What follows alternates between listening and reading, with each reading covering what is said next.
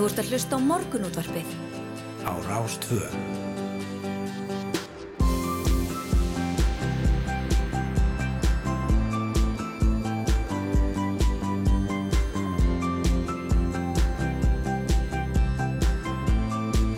Morgunútvarpið Á Rástvö.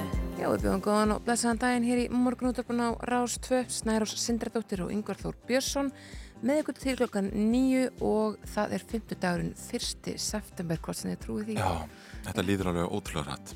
Já, það gerir það, eitthvað neginn eftir því sem árin líða þá, þá hérna líður tíminn hans ræð. Já, setjum við annan gýr. Það er um dýrna að fór sér morgunblassin september gengin í regn, kápur dregnar fram. Það var alltaf verið staðin svona á, á suðvesturhorninu Já, en svo sem ágætis veður fyrir norðan um, í vikunni. já, nema svo var því gaukað að mér þó að, að Norrlendingar hefðu ekki haft mjög hátt um það svona á Facebook og svona að e, í blíðirinu þeirra í fyrradag, þegar 25. stegi heiti, þá var hífandi rók. já, einmitt, það er alltaf þannig einhvern veginn. Já, er það. Mér finnst alltaf rók á Íslandi og öllum áttum einhvern veginn. þessi var svona kvísla að mér svona Já, þegar ég hafði orðað svo, það hefði verið bara sko, já, það hefði verið brjálarók já, einmitt. þó að hitamælinn hefði nátt svona hátt Já, já, þannig að ég, svona, já, einmitt ég var með einhverjar pælingar um að fara norður þær eru, já, það, já já, já. Eh, við ætlum að koma, koma víða við í, í dag. Já, heldur betur við ætlum að byrja á djúbavogi en nokkur hópur stóru af fólks á djúbavogi hefur tekið sér saman og skorað á bæjaregu völd að koma upp eilströnd við Búlandshöfn en það er uh, áratugur um það byrj síðan að þar fannst heitt vatn sem nú er leitt í kér og þau hafa voruð vinsalega ferðarfólki þannig að uh, ég það bara var alltaf pláss fyrir fleiri rassa. Uh, þetta eru auðvitað spennandi pælingar en Ylströndin í Nauthólsvík er eftir því sem að ég kemst næst svo eina sinna tegundar hér á landi. Þó hugmyndir sér upp um slíkar ringin í kringum landið. Uh, einhverjar voru komna langt í, í áallunum en, en já, allavega Google vinnur, hann kemur ekki Nei. sest, ég finn ekki uppsengur um þessi hafi opnað. Um, Eður Ragnarsson fulltrúi sveitastjóra uh, fulltrúi sveitastjóra Múlþings á Djúbáði allar að vera á hjá okkur.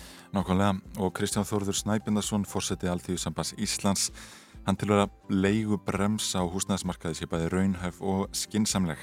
Í grein sem hann skrifaði vikunni segir hann að verkalýsreifingin ég hafi krafist aðgerð á leigumarkaði aðdraðanda lífskjara en í yfirlýsingu stjórnvalda var bóðað að ákvaði húsa leigu laga eru þau endur skoðuð með það í huga að venda leyendur það kemur að hækkun leigu fjárhæðar. En Kristján segir að þessi lofórð stjórnvalda hafi ekki verið emnd á samningstímabilinu. Þannig við ætlum að ræða leigu þakk, leigu bremsu og aðgerðir á leigu markaði við Kristján og Jóhannes Stefánsson, lögfræðing viðskiptaráðs Íslands sem segir leigu þakk feita pælingu sem gengur ekki upp. Það segir að leigu þakk Berlínarbúa hafi til að mynda verið lestarslýs í beitni útsendingu Já. og um, þá er rétt að ræða kosti og galla slíks uh, fyrirkomulags og, og aðgerða sem þessa. Já, ég veit og kannski hvort að þetta sé að læra eitthvað af Berlín, Já. þessum nefnum. Um, en s- ný rannsókn við Háskóla Ísland sýnir að almennt upplifi feður sem hitta börn sín lítið, það er minni en aðra hverju helgi, mikla sorg. En jafnframt að þeir hafi almennt átt sögum ágrinning við bæði móður eða stjórnsísluna.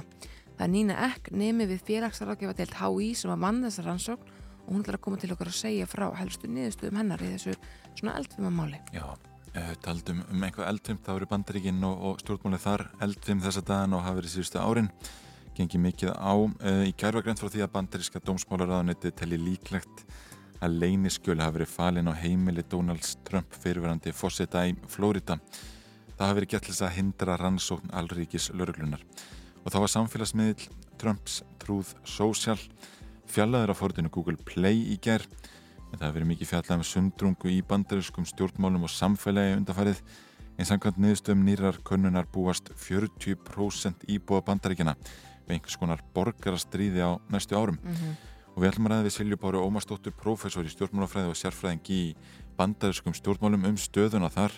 Það verður náttúrulega kostningar í bandaríkjunum í haust og kosið um öll sætin í fulltrúadeild bandaríkja þings og um, 35 af 100 sætum í öldungadeildinni Nýjar tölur frá landlækningsambatinu sína svo að nótkun ADHD-livja hafi aukist um já, tæp 20% á milli áruna 2020 og 2021 þar að segja í miðjum heimsfaraldri Rúm 16% drengja á aldrinum 10-14 ára eru á þessum tegundum lifja en þó má merkja auknunarkun hvenna á lifinu undarfærin ár er leiðis meiri aukningu heldur en hjá körlum almennt þó að uh, karlar noti ADHD-lif meira en konur. Já, já. Þegar maður ræði þessa aukningu og almennt um nótkun ADHD-lifi við Hjeðin Unstensson formann geðhjálpar. Já, og hér í lók þáttur alltaf að þess að ræða, já, hamfara haglhjál getur við sagt, en tæmlega tveggjára barn ljast og týjir slösust í Katalóni á gerð, það er mikið haglhjál fjallar. Nú höglin voru stór og þung þau stærstum 10 cm að þvermáli og rammaslínur þök og rúður eidulöðust og, og uh, bein brotnuðu og, og annars líkt. Mm -hmm. Og við ætlum að ræða við Elinu Björk Jónasdóttir veðurfræðing um þetta veður fyrirbæri sem svona reysa haglíl eru sækja þessu afleðingar og mögulega forvittnast eitthvað út í það hvað ég september mánu er alltaf að bjóða okkur upp á í, í veðrunu. Já, Mm. það er, ég vona bara að það verði eitthvað almennilegt. Já, sko. Það er hérna, um, mér finnst september oft blíður. Ég hafði orðað því hérna ekki, hann er oft mildur. Ekki að ég ætla að taka eitthvað áhættu hérna með því að lýsa því yfir, en það, er svona oft svona, já, ákveðin mildi í verinu þó að það kólnir hrætt. Já, já. Já, ég hef ekki tekið undir það, en eh, eigum við að líta aðeins á, á blöðin í dag. Eh, og fórsið morgunbladsins er eh, já, til að mynda rætt um það að eh, það standi ekki á ríkisvaldinu að hefja samtöl fyrir komandi kjara viðraður ef ofinbyrju félagin eru einhuga um þá ósk að svo Katrínar Jakobsdóttur fórsættis á þeirra Bjarni Benilsson eh, fjármála og efnahækslar á þeirra tekur í sama streng og hverst opinn fyrir því að hefja samtöl um grundvöll nýra kjærasamninga nú þegar.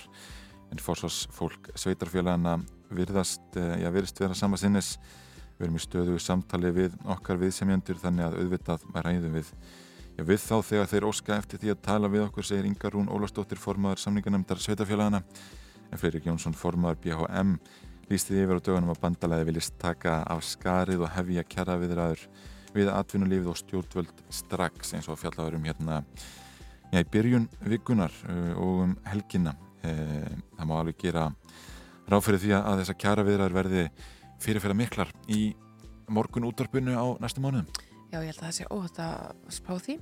Hér á fórsýðu fréttablasins er mynd frá Ríkisrásfundi. Það er Ríkistjórn Ísland sem kom saman á Bessastöðum í gær við þetta, uh, ég ætla ekki að segja æfa fornaborð, en ansi gamla borð Já, sem að Ríkisrás sest við uh, undir verki Kjarvals. Já, Þetta er hérna, já, bara svona, uh, hvað maður segja, hlutir ganga, sín ga- vanagang. já, já, loksins það er náttúrulega ekki, ekki að sitja við þetta borð núna síðustu tvö árun eða ekki? Það Já. er of, of stutt á milli. Þetta er of lítið borð. Já, það er búið að þurfa að fresta þessu öll saman Já. líka. En allavega, hér er líka fréttar sem talaði við Sigriði Björg Guðjónsdóttur ríkislauglustjóra en fjölga þarf í lauruglunum 70 vegna styttingar vinnuvikunar. Uh, já, stytting, vinnu, stytting vinnuvikunar kallar á að ráðunir verði alltaf 75 nýjir lauruglumenn uh, og hún segir hér að að tala um 50-75 nýjstörf. Það veltur svolítið á breytingum á vaktakerfum. Þannig að, uh, já, þetta er, þetta er mikið breyting. Já, já, við rættum hérna aðeins eh, já, í byrjun vikunar að lók þeirra síðustu þetta er einnig smá saman, eh, þá rættum við við eh, ég fulltrúa í Reykjanesbæ um móttöku flóktafólks og eh, hér í morgunblæðinu er rættum við það að ég hafnarfjörður eða áleiktun bæjarstöðan hafnarfjörðar um að ábyrða þjónustu við flóktafólk er þið vísa til ríkisins, þetta er samþýtt samhljóða og að innviðir sveitarfélagsins séu komnir að þolmörkum. Þetta eru náttúrulega Reykjanesbær, Hafnarfjörður og Reykjavíkaborg sem um, ég er að taka móti flótafólkinu, fyrst og fremst. Kannski rétt áður en við skiptum yfir á uh, fréttastofuna þá er verðt að taka það fram að hér að fórsvíu fréttablasins að tala um það að sælgetið í fríöfninu sem ykkur dýrar haldinni lágurversverslunum á höfuborgarsvæðinu. Já, við tökum þetta með okkur inn í, í sjöfréttir. Já, veltum þessu. Þú ert að hlusta á morgunútvarpið. á Rástvö.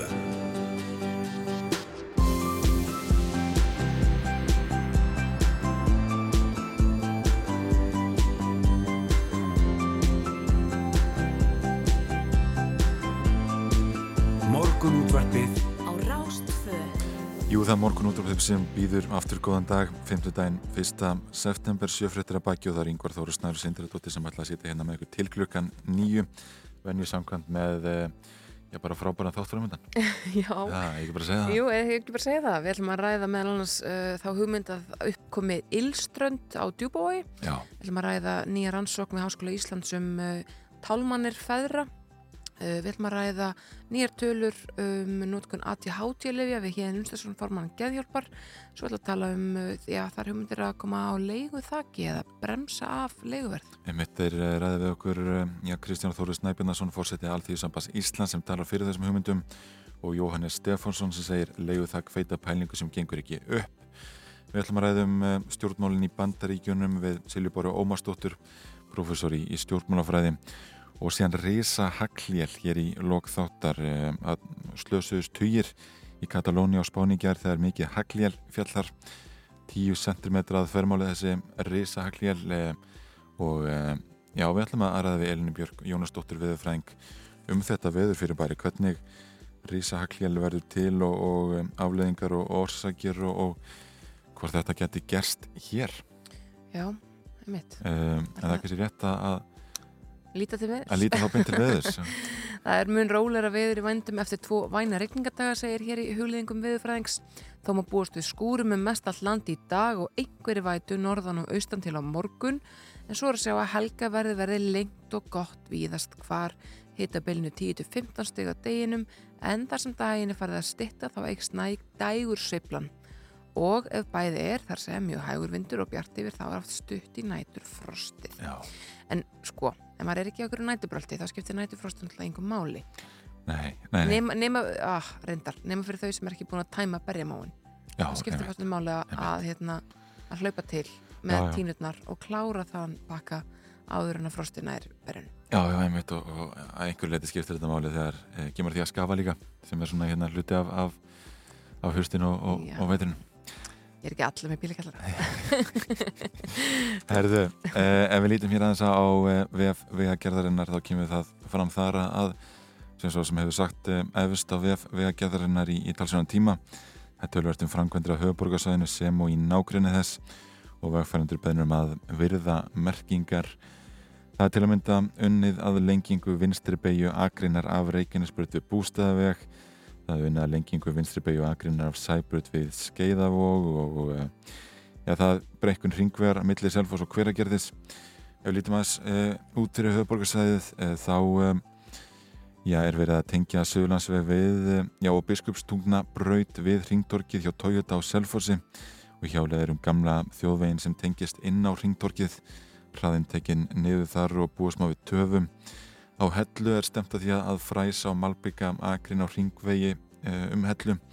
Kaplin er frá ringtorki við Rangarbakka og til austurs og akreinin verður lokuð og merkingar og hjáleiðir settar upp og áallega er að vinnan já, byrji núna já, klukkan, eh, já, klukkan átta og verði alveg eh, já, framkvæmdi standi yfir til klukkan fjögur þannig að þau sem eru að klára vinnu svona upp úr fjögur eh, og búa þessu svæði ættu að, sleppa við þetta. Já, einmitt, það er óskandi. Já, en við ætlum að, að fá eh, fyrsta lagdagsins þetta nú eh, en lag með eh, einstaklingi sem var hér eh, til viðlas í ger Nú, eða ekki, er þetta ekki örgulega Freyr Ejjálfsson já. sem eh, ár þetta lag hér, Dönsum ein. Þetta er hressandi núna í, í byrjun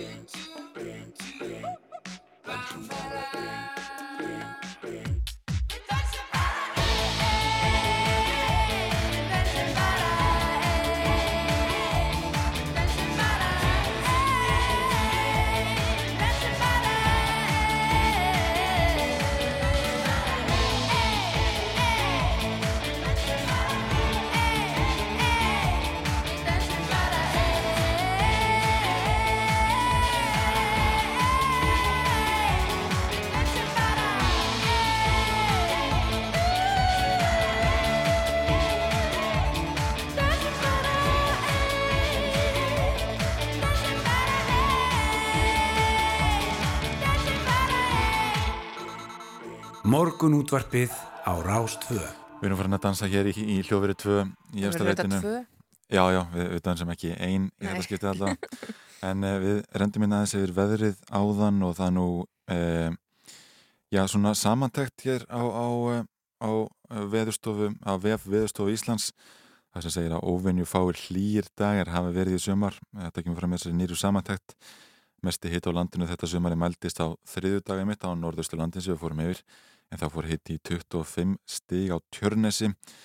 En eh, á mannaðri viðstöði Reykjavík mældist hæsti hitti sumansins 20. júni en það voru þó aðeins tæpar 18 gráður og hámars hitti hefur ekki mælst lægri að sumri í Reykjavík síðan 2001 eða í um 20 ár mm.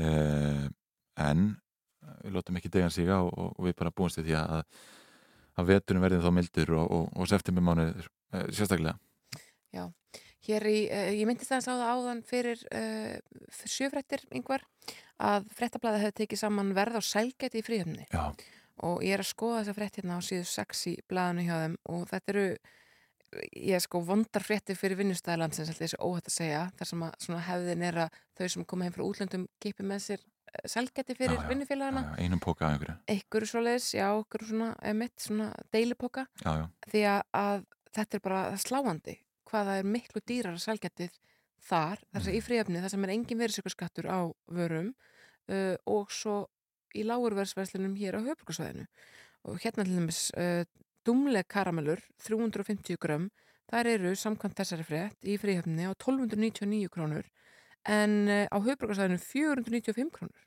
Já, einmitt. Aðeins minni pakning 270 grömm hérna í, á höfbruksvæðinu en 350 grömm í, það er nú ekki mikið, þetta er bara 70 gramma munur Já, já, en, en sko ríflega 800 króna munur á Já. pakkanum. Já, þetta er mjög áhugaður frétt hérna og uh, í íslensku deildinni, já, já, einmitt. Frankvöldsri bónus, hann spyr hérna hvort að ríkið sé ekki einfalda okra á ferðamanninu ég maður spyr sig, ég meina í íslensku dildinni ópalinn, þar er 349 krónur uh, 100 gramma pakning í, í fríöfni en hún er á 298 krónur á höfbruksvæðinu og ef við skoðum sko nóakroppið, það er 600 gramma póki á 1299 krónur í fríöfninni mm en 900 gramma pakki er á 449 krónur á höfbruksvæðinu að lágurverðsverslun já, já.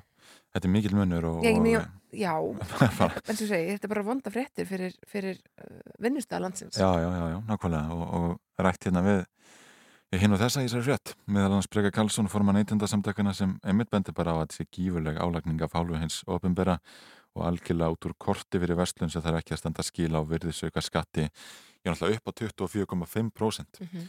uh, þetta er einhvað sem hérna einhvað sem maður þarf að hafa í huga þegar maður uh, fyrir að sækja uh, namið fyrir vinnufélagina Já, og það tekið þetta fram að verðkönnunblaðsins í leifstuð hafi farið fram sko í brottfarsal flugstöðverðnar en eh, það megi ætla að verðleggingi sé svo sama í komusalnum.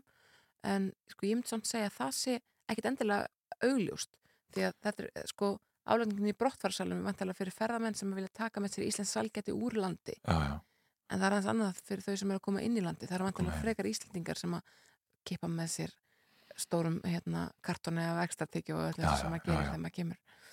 Já, þetta er sannarlega áhugavert. Það væri gaman að sjá uh, það væri gaman að sjá sambarlega frétt fyrir aðra vörur, rafvörur til dæmis. Uh, það væri gaman að sjá þetta fyrir vínið já, já, stundum hefur maður ekki fundist mikill munur á léttvíninu að mista kosti. meini, einmitt. Nei, nei, þetta, þetta er mjög áhugavert og einhvað sem alveg er verðt að ræða eitthvað áfram. Uh, uh, en við ætlum að, að fá annan lag. Stay by You með Hjaltalín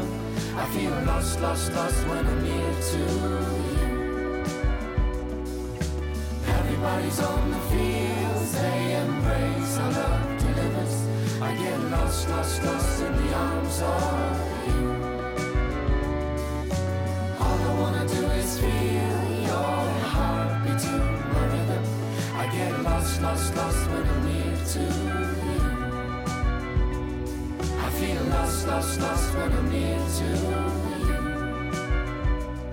I get lost, lost, lost when I'm near to you. I feel lost, lost, lost when I'm near to you. Morgunútvarpið á Rás 2. Já, þetta var Steipa Jú með Hjaltalín. En nýr rannsókn við Háskóla Íslands sýnir að almennt upplifi feður sem að hitta börn sín lítið, það er að segja minna en aðra hverja helgi, til að vera sorg, en þeir hafa jafnframt átt almennt sögu um ágreiningum móður eða við stjórnsýsluna. Nína Ekk nemi við félagsrákjafadelt HÍ vann þessa rannsóknu í fyrra og hún er komininga til að segja ykkur frá helstu niðurstöðumennar, verður velkomin. Takk. Uh, sko, segjum, segja okkur bara frá svona tilur þessar rannsóknar. Af hverju langaði það að rannsaka uh, feður sem að uh, fá lítið að hitta börn sín? Já, sko, ég er bara mikill feministi og mér fannst svona einhvern veginn í umræðinu um tálmunafeður eitthvað svona, ég ímyndaði mig bara að þetta getur ekki verið svona stórt vandamál. Mm. Veist, þannig að ég ætlaði sérst með rannsókninu minni að svona svolítið sína fram á að þetta væri ekki eins mikið vandamál eins og kemur fram í umræðinu en svo bara leiti rannsókninu minni að öðrum niðurstöðum Mhm. sem er bara ótrúlega skemmtilegt og gaman að fá að vera þannig, þú veist, bara sem fræðimæður. Hvernig fyrir sér rannsótt fram? Uh, sko, ég fann mig bara um viðmælendur, uh, var sérst með bara könnun á netinu þar sem að ég bað feður um að svara hversu mikla umgengni þeir eru með og svo tók ég við sjö feður. Og hver er verið svona helstu niðurstöðuna varandi bara einmitt þeirra líðan og, og þessar svona sögu að því að, að því að hérna, já, þetta hefur verið bæði eldfimt og ábrendi umræðinu undarfærinar. Já, sko, ég get náttúrulega ekki talað fyrir alla feður sem eru í þessari stöðu. Ég get bara sagt frá upplifun þeirra feðra sem ég talaði við Mm. Og þeirra upplifun var bara svolítið mikið, þú veist, sorg og svo var vannmáttur og svona í raun og veru, já, bara svona hjálpaleysi við aðgerraleysi stjórnvalda. Mm. Af því að, þú veist, eins og er í dag að, þú veist, við búum í velferðar samfélagi og við búumst einhvern veginn við því að þegar það er ójafnrétti í samfélaginu að þá er eitthvað kerfi sem grýpur það. Þú veist, við erum með barnavend sem að vinnur í, þú veist, að hjálpa börnum sem verða fyrir óbyldi og þú veist, þetta er eitthvað svona það sem þessi feður upplifa að sé ótrúlega mikið ójabretti en það er í raun og veru enginn sem gerir neitt í því. Síslumadur bara einhvern veginn segir bara komið í sáttamæðferð uh, barnavend segir þetta er ekki okkar vandamál það er reynda búið að breytast aðeins núna Mm. að barnavend er farin að taka vinkilinn sko á raunverulega tilfinningarleiri vannrækslu Mhm. en þú veist, þeir mætar svo mikið að lokuðum dyrum sko og í raun og veru, þú veist, eins og núna með samvinna eftir skilnað, þú veist, það er náttúrulega bara frábært verkefni sem er núna að fara í gang á sveitafélagslevelinu en í raun og veru hefðu sveitafélagi nátt að vera búin að bjóða upp á sko skilnaðaráðgjöf síðan 91 að þetta er í löggjöfinni sko. Já. Þessi sáttumæðferð sem hún nefnir, hvernig ber hún fram? Uh, þetta er bara í raun og veru í barnalögum, sem þetta er í ágreining við hitt fóreldrið að þá verður að reyna fyrst að ná sáttum í sáttumæðferð og ég hafði mynd svolítið áhuga á því eftir rannsóknuna því að mér fannst þessi feður lýsa svolítið svona, þú veist að þeim væri stilt upp við eða þú veist að þeir væri svona Æ, þú veist, sáttamæðurinn er yfirleitt kona og þú veist, ef þú upplifir sem kallmaður eða sem faðir, þú veist að einhvern veginn það er verið að, brjóta á, þú veist, þínu sambandi við barnið þitt, að þá er búið óhjálplegt kannski að ætla eitthvað að fara að segja frá þinni hlið í herbyggjum með tveimur konum, skilur. Mm. En það geta líka verið í hináttuna ef að sáttumæðurinn var í kalla þá myndi móðurinn upplifa Já, en málið er það satt? að ég skrifaði bíaritgerð um sáttamæðferð og málið er bara þannig að þú veist, fóreldri sem er ekki með lögheimili og fer inn í sáttamæðferð hefur rosa miklu að tapa.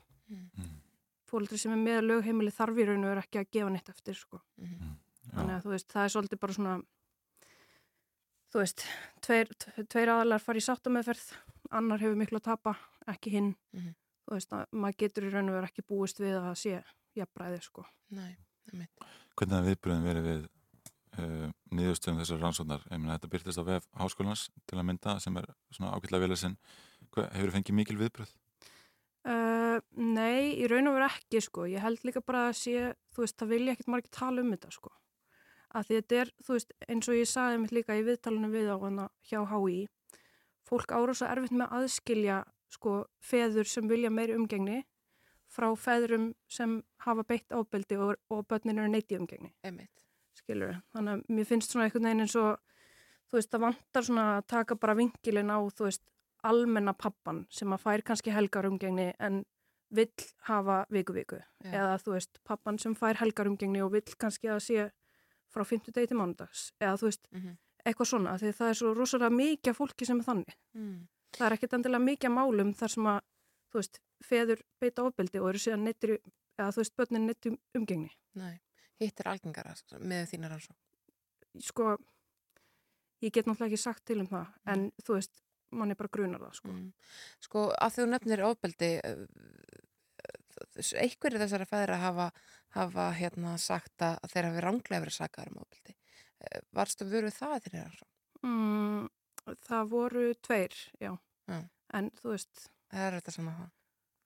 já, ég meina, ég náttúrulega var bara að taka rannsókn sem miðaði að þeirra upplifun, Mm -hmm. skilur. En mér finnst það nú samt, þú veist, náttúrulega þegar maður leitar að fólki í einlega rannsókn, þá fær maður svolítið mikið fólk sem að vill tala um sín mál. Mhm.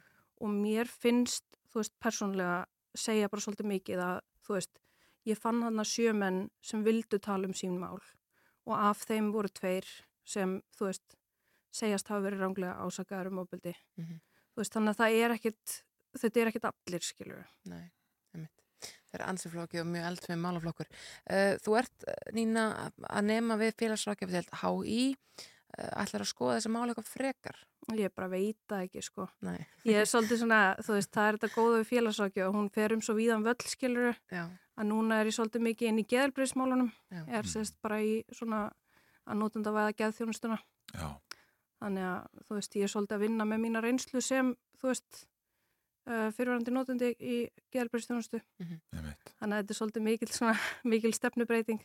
Já. En þetta er einmitt það sem ég fíla við félagsrákjöfuna. Þú veist, þú getur að tala um svona frá vöggu til grafar, sko. Maður getur farið um víðan völl, þú veist, þetta er ekki bara barnavend og félagstjónustuna, sko.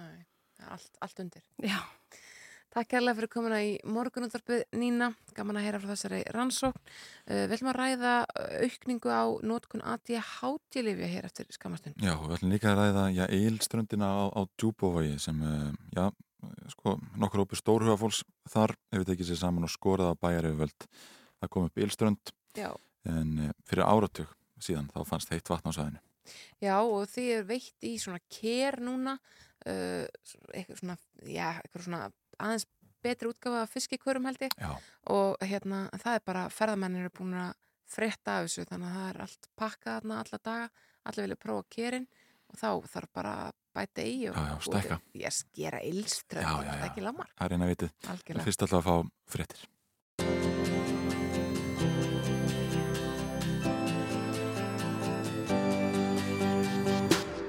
Þú ert að hlusta á morgunútvarpið á Rástvö.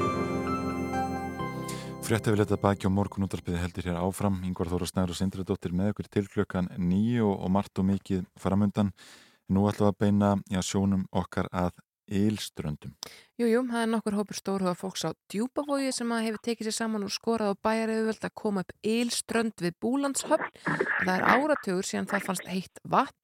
Eður Ragnarsson, fulltrúi sveitastjóra Múlaþings á djúbavogi, er komin á línunni hjá okkur. Góðan daginn eður. Já, góðan dag. Og þeir fenguð áskorunna, e, já, fyrir nokkur dögum síðan eru þeir byrjuð að móka fyrir nýri eilströnd. Já, sko, þetta er kannski ekki beinlega áskorun, þetta er hérna óskum samtal Einmitt. um það hvort að þetta sé eitthvað sem að gæti gengið Já, upp. Þannig að, að hérna, uh, þetta heita vatn fannst þegar var verið að gera hitastígushólur á svæðinu fyrir, já, það er nú með einu áratugur, þetta er ekki náttúrulega 15-20 árum.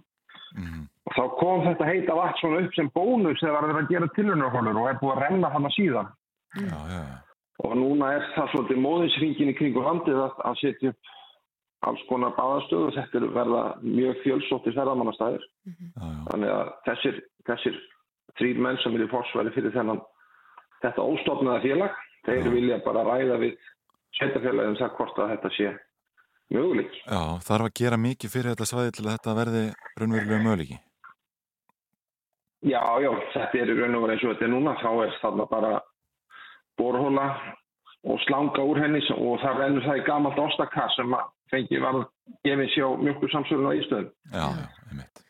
og aðstæðan er engin önnur í raun og veru sko. það, er ekki, það er ekki hérna það er ekki stöftuklefar eða þú þarf bara að skipta um fött við hliðin á kerinu og, og hoppa svo onni sko. En er það ekki kannski partur af svona sjarmanum sem að, að ferðamenn sjá í því að koma þarna?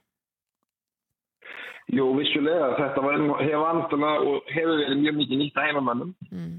og svo er það nú bara orðið þannig í dag að það er ekki til það er ekki til leyndamál, ef þetta sleppar á netið þá hérna? hérna vita allir af þessu og það er orðin töluverður átróningur á svæðinu og annarkvort þarf já, hreinlega að loka það hólunni eða gera eitthvað því að þetta getur ekki verið svona áfram. Eh, Hvers vegna er Það það? er það mikil aðsókn þarna. Það er bara svo mikil aðsókn Mm. og það þarf að það, það þyrsti að taka þetta gegn á eða annan hátt þannig að þetta sé bóðulegt en þetta er í svona einskilsmannslandi það er að segja það áður enginn beinjunis, menn hafa bara nýtt vatnið að því að renna þannig og svo ætliðst alltaf í ásóknina og þar er leiðandi orðin tölugur átóningur á svæðinu. En sko ef að það, ef að það væri ráðist í það að gera þarna Ylströnd, við þekkjum þetta svoleiðis hér á höf, af höfbrukarsvæðinu í Nautólsvík og svona veis, þurfti þá að koma að dæla þarna sko gulum sandi og, og, og setja einmitt út búningsaðstöðu og þetta er, þetta er reysa verkefni ef að verður. Já, væntanlega, það fyrir náttúrulega svolítið eftir hvað maður vilja taka þetta langt. Já, og svo hérna umræða hefur kannski ekki átt sér stað ennþá en eins og sé þetta er bara fyrsta skrefið er að ræða við sveitarfélagið um það hvort að menn séu til í að skoða þetta. Og svo þarf að vega og meta hversu langt menn vilja ganga. Vilja menn byggja upp aðstöðu sem er í líkingu við vög eða, eða hérna GOC á, á Húsavík eða eitthvað slíkt eða vilja menn taka þetta stittra og taka, ég menn eins og það er baðstæðar í Kvansvík sem er nú ekki stór en hann er, hann er smekklegur. Þetta þarf ekki endilega að vera stórt. Það snýst aðal um það að þetta verði skemmtilega aðstæða fyrir heimamenn og gesti, held ég. En það blasir við að þetta veri dýrar framkvæmdir. Já, það gæti orðið það en það, eins og ég segi, það fyrir eftir hvað maður vilja taka þetta langt. en þessi dæmi sem þú En- tekur, þetta eru líka svona dýri staðir fyrir ferðamenn, þetta eru svona luxus, luxusböð. Er það þannig sem að Já, sjá þetta fyrir? engin af, já, engin af þessum baðstöðum sem við þekkjum hér nema, nema Guðlaug og það er- og Kipis. Já. En engin af þessum baðstöðum sem við erum búin að nefna er óndýr, sko. Er nautasvíkinu þetta? Já, Ílströndinu nautasvíkin með þeirri undantenni, Guðlaug og Nautasvík, það er undantenningarnir. Já. Já, svo getum við farið norður á Káfnafjörð, það er baðstöður sem er reynda byggður upp á svipum tóla. Já, það kom heitt vatni til hennu hólu og það er búið að steipa potta og gera svona alveg afgjörðastöðu. Þetta, það geti alveg verið einlega líka, sko. Það er eins og segi. Menn hafa ekkert ákveðið neitt með það, menn vilja bara ræða hlutina og sjá hvort að þetta sé ekki mjög. já, já, einmitt. Alla þurfa að loka af því að átráningur er svo mikil. Já, þetta er sennilega bara að verða áður en að eru reynda búin að vera í gangi í sumar tilrauna bælingar á vegum setjafélagsins. Mm. Þannig að, að staðurinn hefur ekki verið notaður mikið í sumar því að vatni hefur bara ekki verið staðar. Já, já. En undanfærin ár þá er þetta verið sko bara einn fjölsóttastu ferðalmannastæður á djúbói sko. Þó að hann láti lítið yfir sér og ekki einu sinni allir viti hans er til. Nei. En, en hvað er, ef maður skoða sko leitir á Google til dæmis, þá sjá menn að það er leitað mjög mikið af djúbóiskörunum eða djúbóur hot taps. Já, einmitt. Þannig að menn, eins og segi, það er ekki nei. Lengur ef það á interneti þá vita allir. Já, já, einmitt, einmitt. En hvernig er þá tíma áallinu núna? Hvað gerir ráð fyrir að, að- gerist næst í þessu og, og hvenar gæti þetta fyrst gerst? Já, það er erfitt að segja sko. Við tekur umhverfis og framkvæmdur á sveitafélagi þetta fyrir vantarlega á sína næsta fundi og hérna og næstu skrifa ákveðin í kjölferðið á því og vantarlega bara spyrja menn að þau setjast niður og, og ræða hvaða möguleika menn sjá og hvaða möguleika menn vilja útloka. Já. Þannig að nákvæmlega. þetta er bara í algjöru, í algjöru starfstólum. Sko, rétt í lokin eður viðurfarslega, hvernig, ég veit að, veit að þau segja að þessi alltaf gott viður fyrir austan, en, en hvernig er veðrið á þessu svæði? Er þetta, var þetta almennilegt fyrir eilströnd? Var þetta að nota þetta nokkra dag á sumri og svona? Já, já, já, já, já, það er þessi staður sem að hópurinn bendir á.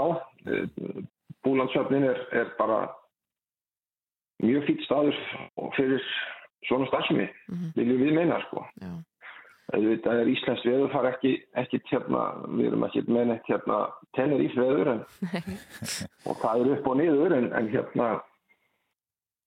ég held að það sé ekki vandamál sko. Það er alltaf gott veður fyrir laugina. Já, já, ef við ekki að segja það allavega ekki það bara- kemur í ljós. Já, já, nákvæmlega. Mm. Takk kærlega fyrir að vera á línunni hjá okkur Eður Ragnarsson á Djúbói. Herðu, takk sömulegis. Og við ætlum að fara að ræða við Hjeðin Unnsteinsson hér eftir smá að ræða já, nótkun ADHD hátilifja. Já, en mitt þau hafa aukist um já, tæp 20% á milli árana 2020 og 2021 með þeim heimisfaraldri. Hvað Já, svo já. sem, hver svo sem ástæða fyrir því er? Nákvæmlega. Eh, fyrst fáum við eitt lag, þeir Better Be a Mirror Ball með Arctic Monkeys. Þetta er eh, já, fyrsta með þeim í einhver fjögur, fimm ár. Mm.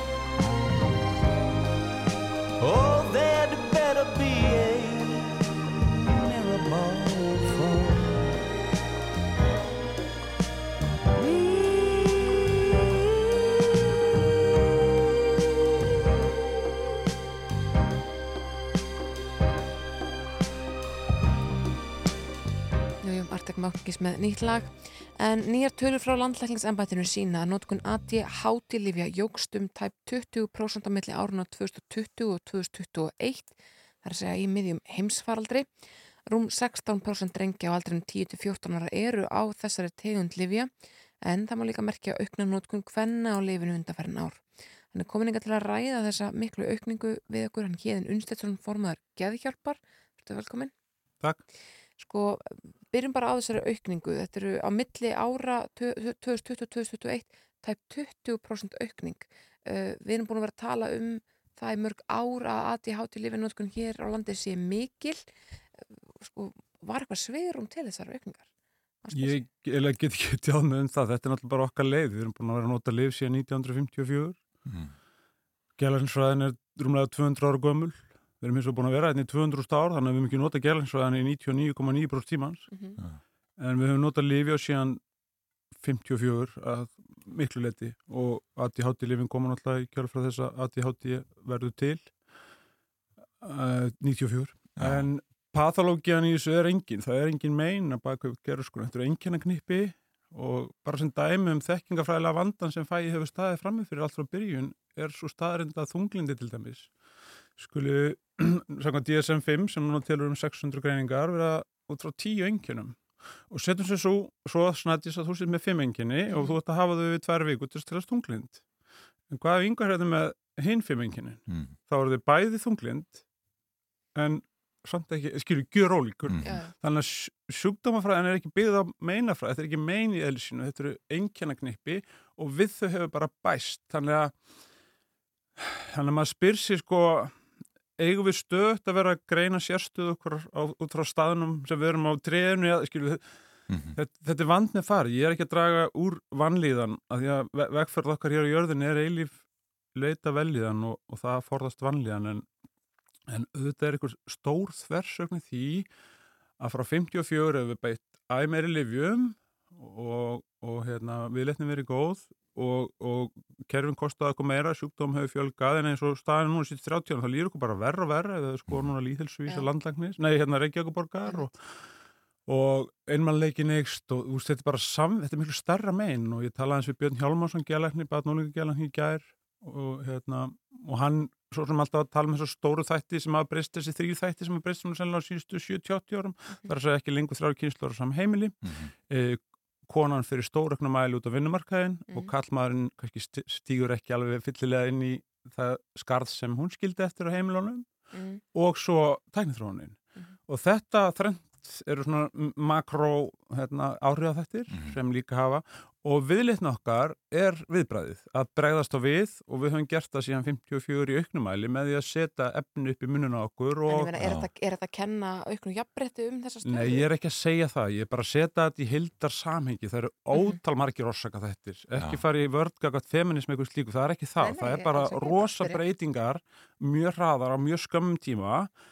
Og, og svo er viðleitnin þessi að við þurfum að taka efni til þess að, að laga eitthvað sem við vitum ekki alveg hvað er, ég meina Já. hvað er, hvað, hvernig verða tilfinninga til, hvernig verða hugsanir til, Mhm. við vitum það ekki, en það er það sem við erum að takast á við Mhm. með, með livjónum og það er sko eðlilegt að við séum ennþá á langri lartnámsbraut í þessum efnum. Þannig að þegar þú spyrir mér núna úst, af hverju, úst, hvað er í gangi? Af hverju eikst þetta svona mikið? Þá jú, getum við, jú, það var COVID og við getum farið að tala um það. En þetta er bara það, að mínu viti þarf að skoða þetta í víðara samhengi og, og velta fyrir sér samfélagi þar sem jú við, hérna, status okkar er metin út frá efnislegu virði og, og það er náttúrulega það prójekt erum við búin að ke keira allt frá döðum Rúsó sko, og leng, miklu lengra aftur og þetta vil maður bara segja að landbúnabildingin fyrir 14 árum hafi byrjað þetta ekotripp okkar þegar að eignarétturinn var til og fyrsti Já. maður sagði þetta, þessi, þetta landi mitt Þannig að- þannig að viðbröðin eftir frekar að vera einhvers konar samfélagsbreytingar en að vera stöðut að auka nótkun á þessum lifjum. Ég held ekki alveg verið, sko, þetta tventur er samlíða og horfa til nýra leiða því að saga þessara fræða eins og kemur vel fram í bók Andrew Sköll núna Desperate Remedies fyrir þá sem hafa áhuga að lesa sem meira til er eili viðlitni Mm. við að hjálpa og við að aðstofa við að heila en hún er vannmáttuga því að eins og við fórum yfir á við vitum ekki alveg hvað við erum að gera en við erum að reyna og, og ég held þá að, já, að samfélagsbreytingar sem er alltaf að gerast að, að hérna, við þurfum kannski, já, þetta eru klísjur að sækja meira í þögnin og þetta allt saman við erum búin að fylla heiminn okkar af endalsu skínáriti og við erum með líka með, með primitívan heila sem er skrítirsheili sem mm. gera okkur spendirum þannig að En- ég held að þetta sé bara flokknulega svo þannig að ég skil alveg þessu aukningu Já. með að við, hvernig ástandi var hérna á þessum tveimur árum í faraldurinn Já, ef við skoðum einmitt þessi tvö ári faraldrinum og horfum á að sko það verður mest aukning hjá konum sem að uh, við sjáum bara, ég meina hér voru þorri þjóðurinnar að sindi heimavinnu þannig að allt í hennu er fólk komið heima en að sinna vinnu mikið sko að öðrum hlutum sem að kannski grípa aðteklina uh, unga fólki okkar, börnin þau voru í fjarnámi að einhver leiti voru að reyna að sinna því og svo framins getur verið að þessar aðstæður hafi orðið til þess að, að hérna, þessi svona rammi sem að skólinn bjóð til og vinnustæðin bjóð til hafi, hafi sko skekst og, og þar með hafi fólk hafi farið og fengið ávísinir upp á þessi leið. ég held ekki, sem bara mjög líklegt ég held ekki rannsóknir fyrir mér í því en öll samverða er hefðin góða Mm. og, og samskipti og samstarf og samhæfing og allt þetta sami er bara besta mál og við mistum svolítið af því og þannig að það getur alveg vel verið en, en stóri vandina því nú erum við nýja gehelbriðistefnu og það er verið að klára aðgerra áttu núna sem mun kosti ykkur að miljarda er 525 við erum með 320 miljardar ári í ofnbjör útgjöld, þess að ríkisútgjöldin e, til heilbriðismála af 1200 og 5% af þeir fer í geflismál á meðan umfangið er áallað á bylunu 23-26%. Mhm. Þannig að kerfið er gjössanlega vansveld, það er vannstilt að milli þryggja þjónustustega, ekki alveg nógu vel stilt. Það er að segja að fyrsta stíð er helsugjastlan, annar stíð er sérfræðilegnandir og gehelsutemin, helsugjastlunar og þriða stíð er spítalinn. Ég meina, þeir nota ekki eins og sömu sögukerfið. Sérfræðilegnar út í bæ er ekki fyllin í sögukerfið, þannig að öll samhæfing og yfirsýn og allt þetta er bara skortur á því og, og svo er náttúrulega stór skortur bara peningum. Þessi málaflokkur er bara að verða svo stór og mikið, mikið umfangi vegna allra frávikagreyningana að við þurfum að setja meiri resurs í hann Mm. og, En- en það og það er erfitt þegar að peningarnir eru fastir einhvern veginn í Mm. En það, það sem ég er að koma að er bara hefði kannski skólinn geta verið skiplaður öðruvísi og vinnustæðarnir skiplaður öðruvísi þannig að já, fólk var ekki allt í hennu bara tjóður af tölvuna heima hjá sér að reyna að sinna þessum verkefnum uh, minna, eru við kannski bara að leifa til dæmis krökkum og strákum aldrum 10-14 og stúlkum þessum aldrei líka reyfa sig á lítið og fara á lítið út og þú veist, þurfa að einbæta sér of mikið, getur það verið?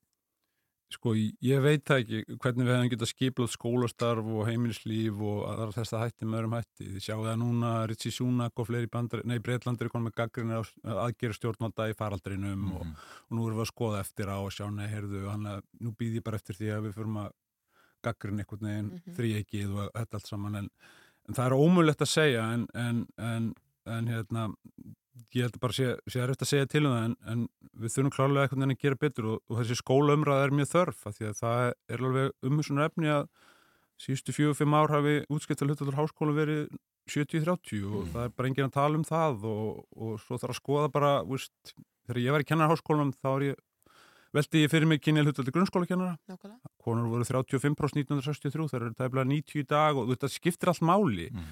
en aðalatrið finnst mér einhvern veginn þetta að við erum alltaf að taka samtal út frá sérstöðu en ekki samstöðu, við erum að taka samtal út frá greinin á trénu en ekki stopnunum á rótakjörunu og meðan ég er bara hérna rauðarður örfendur hommi, ég, ég skilju hvað ég er? Ég er mað, menns, það er mennska í grunninn og, og við, við þurfum svolítið að, að fara að vanda okkur aftur við það að, að, að þekkja sami, það sem við erum sameiglegt Já. og, og spyrja þar að mér finnst um öll rosa mikil umræði í dag um hvað við erum að gera og breyðast við og þetta og þetta miðast út frá sérstöðu en ekki samstöðu Mm. og, og kannski er það bara tíman að tákn vegna þess að við búum á mjög einstaklingsvettum tímum Mhm. ég, síminn og ég veruleikin og algoritmi, sko, þetta er bara sniðið að þér og, ef, og svo bara koma þessar setningar eins og vil og finnast og halda og langa og, og, og En þetta er orðið metafísist Já, já, en þú er náttúrulega miklu, miklu samskiptin bæði við stjórnvöld og við lækna og fleiri. Heldur að einhvað sé að fara að breytast? Það er alltaf eitthvað að breytast og breytingar eru fórsenda framfara. Hvort þetta eru nóg mikla breytingar ég veit ekki. Kerfið, kerfið er í, í, í, í höftum hugans eins og þau segja, það eru hérna stjórnendur úst, við ráðum oft ekki við þetta, við erum búin að búa til freka flókið kerfi hérna um 380.000 manns Mhm. 12 ráðandi, 160 stofnanir og 64 sveit, auðvitað, þetta er freka flókið og við erum með hlutfall sem þekkist ekki í Evrópu að vera með 73% af 1600 miljardar heildra tróðbæra þjónustu hjá ríki og 400 sveitaflum. Þetta þekkist ekki annars staðar. Það er annars staðar, alls staðar svona kringum 50-50. Þannig að við getum gert, já, struktúral breytingar til þess að ná fram bættir þjónustu íbúana og það sem ég veist vera best og í þessu öllu saman er stafrana þróunin líka þó svo er hljómunum svolítið þversög vegna þess að hún er að gera okkur það klift að færa áherslu þannig að ofinber þjónusta verði frekar og í auknum mæli á forsendum þjónustu notenda en þjónustu veitenda. Mm. Því við búum bara í 78 ára gamlu líðvildi og við erum enn að æfa okkur. Kerfi var ekki til þegar monarkían var hérna enn uppi, að það var allan á dönsku forræði. Þannig, að, þannig að við erum þessari vegferð en við getum einfalda struktúr okkar mjög mikið og þar með bætt þjónustuna þannig að það þarf ekki bara að breyta viðlitni og áherslum heldur líka bara, heyrðu, akkur ekki átt að sveitafélög, akkur ekki, við skulum bara breyta þessum struktúr að því að þú veist, það er að vera til eitt síslumarsambætti og Jón Gunnarsson er mögulega, þú veist, lörglust, þannig að þetta er að einfaldast að því að stafrana þróun er svo hröð. Þannig að þetta eru tvíkja sverð, sko. Drákvæmt loka orð Híðin Unstensson form að geðhjálpar takk kærlega fyrir komuna í morgunúttarpið. Takk fyrir mig.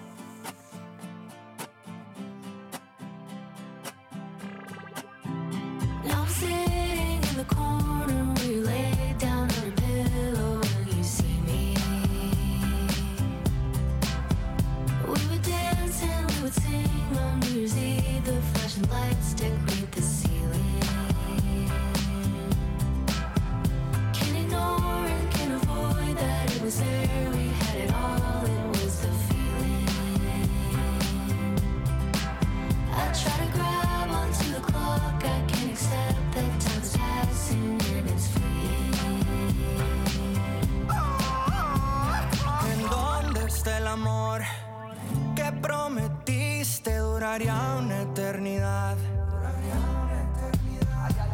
Vuelve por favor, me está matando esta maldita soledad.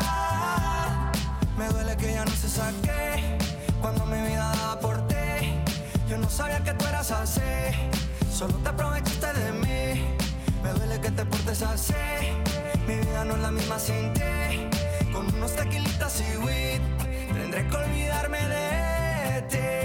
Now I'm sitting in a corner when you lay down on your pillow and you see me. And we would sing.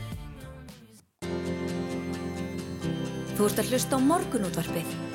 Á Rástvö.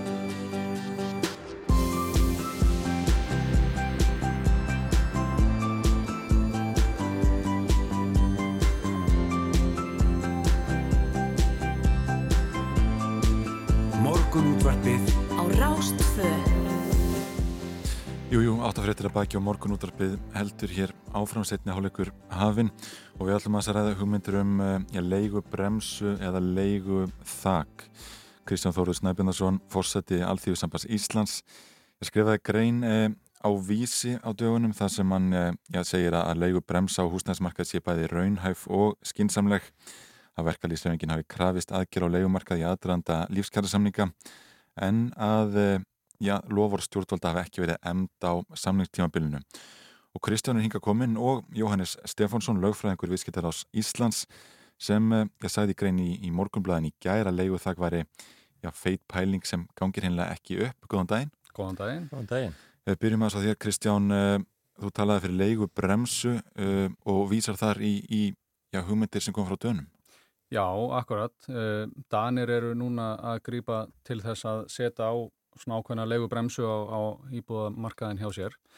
Uh, og leigubremsan er hugsað þannig hjá þeim að, að það er verið að, semst, að, að tryggja það að leiguverð á íbúðhúsnaði hækki ekki umfram svona ákveðin mörg og, og þeir setja sér það, það mark að, leigan hækki ekki umfram 4% á ári. Mm Uh, og það sé semst á, á þessum tíðanpunkti. Reyndar hafa sér ákveði svigrum til þess að mæta raun, raunverulegum kostnaði við rekstur á húsnæðinu, uh, til dæmis viðhald og eitthvað slíkt sem að fellur til.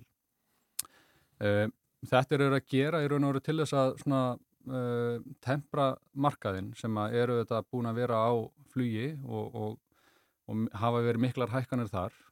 Þeir eru þetta búa við svipað aðstöðu við að, að það er há verðbolga og það er eins og hér og, og, þetta er eitt svona þáttur sem hefur verið þess valdandi að íta undir verðbólgu Mhm. og Já, þannig að þetta er svona hugmyndafræðin hjá þeim. Það er að reyna að draga úr þeim hækkunum sem verða á, á markaðnum. En er eitthvað munur leigu þakki og leigu bremsu? Já, það er, það er stórmunur þar á.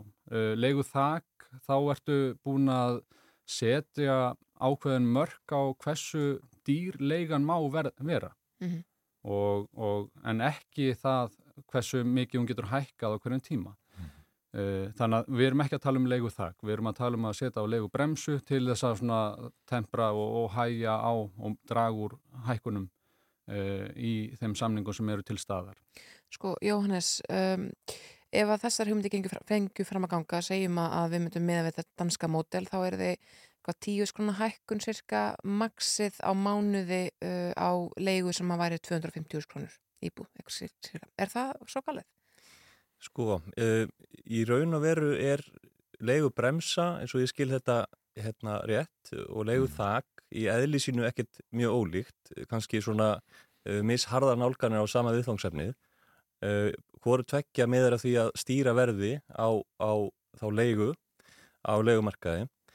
Kosturinn við þetta fyrirkomulag, hvort sem við köllum það leigu þak eða bremsu, er að þetta er ekki ný hugmynd og þar leiðandi höfum við lært um sögunar og reyndar tölvöld mikið af rannsóknum sem hafa þá verið gerðar á, á áhrifum þessa og þær benda allar í sömu átt það er að segja uh, þegar, þú, þegar þú grýpur inn í verð á markaði uh, þá dregur úr húsnæðis öryggi í fyrsta lagi og með því að draga úr frambóð húsnæðis vegna þess að kvatin til þess að leiða út húsnæði minkar eftir því sem að verður meira ójafvægi á milli raunvirðis annars vegar Mhm. Og hins vegar eh, verðsinn sem er ákveð með bremsu eða þaki. Uh, þetta eigur verðþrýsting á íbúður sem eru undanskildara því að yfirleitt eru nýbyggingar ekki settar undir svona hömlur þannig að það skapast á líka ójabæðið þar og að endanum gera þetta það að verkum að, að það verður mun erfiðara fyrir fólk að finna sér leiguhúsnaði við hæfi og, og Þetta er eigur úr frambóði bara. Já, þetta er raun og veru dregur úr frambúið til langs tíma Mm. Og leyendur verða þölsetnar í húsnaði þar sem þeir hafa eh, samninga sem eru verðstýrðir og, og eru þau líklegri til að vera í húsnaði sem hendar þeim illa. Og eh, þannig að kvartin til viðhalds og fjárfestinga mingar sömulegis með tímanum, þannig að ástand leihúsnaðis á það til að versna. Við skiljum, eða ég skil ágætlega hvað ASI að verkeflisengunni gengur til með þessum tillögum og, og hva- hvað Danir ætla sér með þessu þeir eru er að reyna að halda aftur af verðhækkunum og, og tryggja húsna viðræðalega verði. Og það er góra gælda verðt og ég held að við sem sammálum að það sé verðut markmið.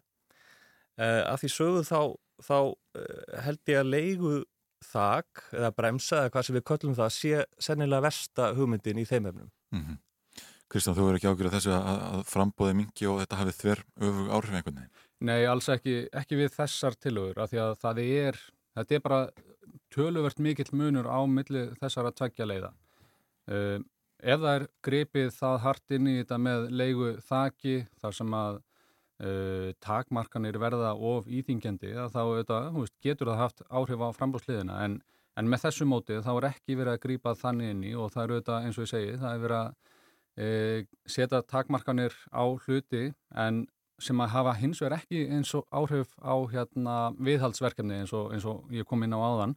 Þannig að veist þetta, ég hef ekki miklar áhugjur af, af því að, svo staða er þið en vegna þess að við erum að tala um sagt leigu bremsu til þess að takmarka þetta svigrum a, til hækana ég hef ekki mjög miklar áhugjur af því að, að auðvitað leigumarkaður hér á landi eru þetta mjög óþroskaður ef við horfum á, á leigumarkaðin á Íslandi versus Danmörku Mhm. uh, öryggi fólks er alveg sára lítið þegar þú ert á leigumarkaði uh, leigusamningar eru almennt mjög stuttir og, og því miður að þá höfum við upplifað það mjög lengi og mjög oft að e, hækkanir á leigu hefur verið bara gríðarlega mikil Mm.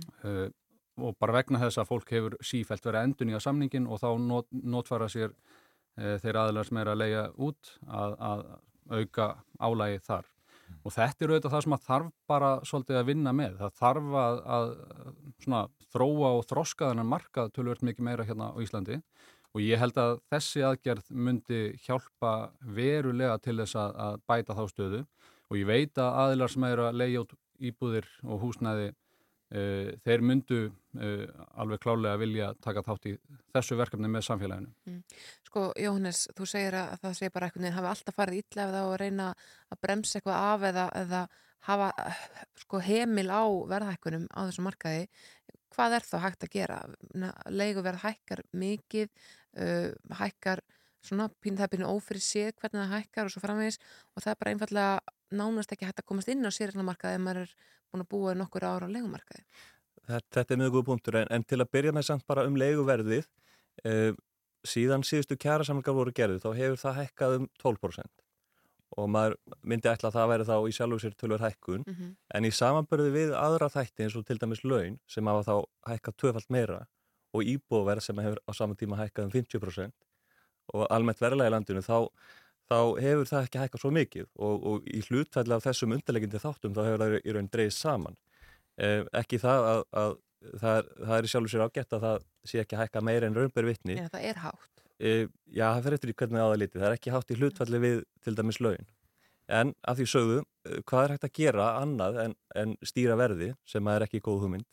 E, já, í fyrsta lagi má spyrja sig e, hver er ábyrð sveitafélag e, fastegnargjöld hafa hækkað verulega undarfærin ár og þau smittast inn í leiguverið Mhm. og maður spyrja sig hvort að þau getur komið til móts við, við þennan hóp með því að halda eitthvað aftur af því. Uh, annað er uh, já, það voru settar sér reglur uh, hérna fyrir ekki svo löngu síðan til að reyna að kæla húsnæðismarkaðin uh, það var gert erfiðar um vika að standa skreiðslumat. Og hvað gerir það að verkum? Það er þá kannski helst ungt fólk sem er jafnvel búið að ná að sapna sér fyrir útborgun. uh, lendi svo í því að, að komast ekki gegnum greiðslumat og er jafnvel að greiða mun herri leigu heldur en, heldur en eh, greiðslu getan samkvæmt matinu er sögvera þannig að það er svona því er haldið hérna fyrir utan sérignamarkaðin og er þar alveg á þrýstin og legumarkaðin sem að þá aftur eigur eftirspyrnuna þar. Eh, það má spyrja sig eh, já, væri hægt að einfalda eða gera, gera þeim sem að byggja húsnæði auðveldarum við þannig að þeir, þeir geti einfallega auki frambóði af því að þegar öll eru á botni kvólt þá er þetta alltaf bara spurningum jafnvægi á millið þess hversu mikið húsnæði er til og er í bóði og hversu margir þurfa á því að halda. Þannig að ef, ef okkur tekst að, að auka húsnæðisframbóðið það er, er raunverulega eina varanlega lausnin til að ná jafnvægi á þessu markað, ekki að stýra verðinu.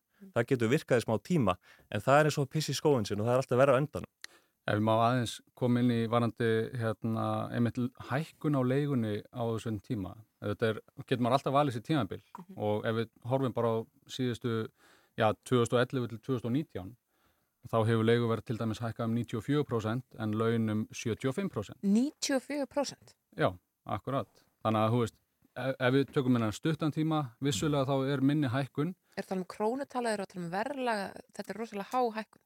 Já, þetta er bara tölvöld mikil hækkun á þessum árum sem að hefur orðað á leigumarkaði. Þetta er alveg rétt og, og þetta er alltaf spurningu viðminn á tímbilið. Um, ef við horfum ennþá lengur aftur í tíman og til dagsins í dag, þá hefur þetta haldist í hendur, laun og, og leiguverð. Mhm. Þannig að þetta er alltaf spurningu það. Þetta er allt Já, já, en það er okkur óvisa að, hérna, að, að sveifluna sé það svona. Já, það eru reyndar ekki mjög miklar sveiflunar á þessum mörkuðum. Uh, þetta er svona no nokkurn veginn, helst nokkurn veginn í hendur, sögulega, þróun leiguvers og, og launa. Uh, það er að verða daldið mikil gjá núna á milli húsnæðisverð og leigu sem að, sem að sögulega hefur yfirleitt haldið stað og gerir það viðast hverju Európu. Þannig að það er svona, maður hefur ákveðna áhugjur á því að, að sko vegna þess hversu mikil hækkun hefur verið á hú, húsnæðismarkaði að þá kunni leigan að fylgja, fylgja þar á eftir sko. Þannig að við, við deilum alveg áhugjum að því að, að sko þráttur að leigan hafi ekki hækka meira raumbyrvitni enn sem komið er, þá geti það gerst.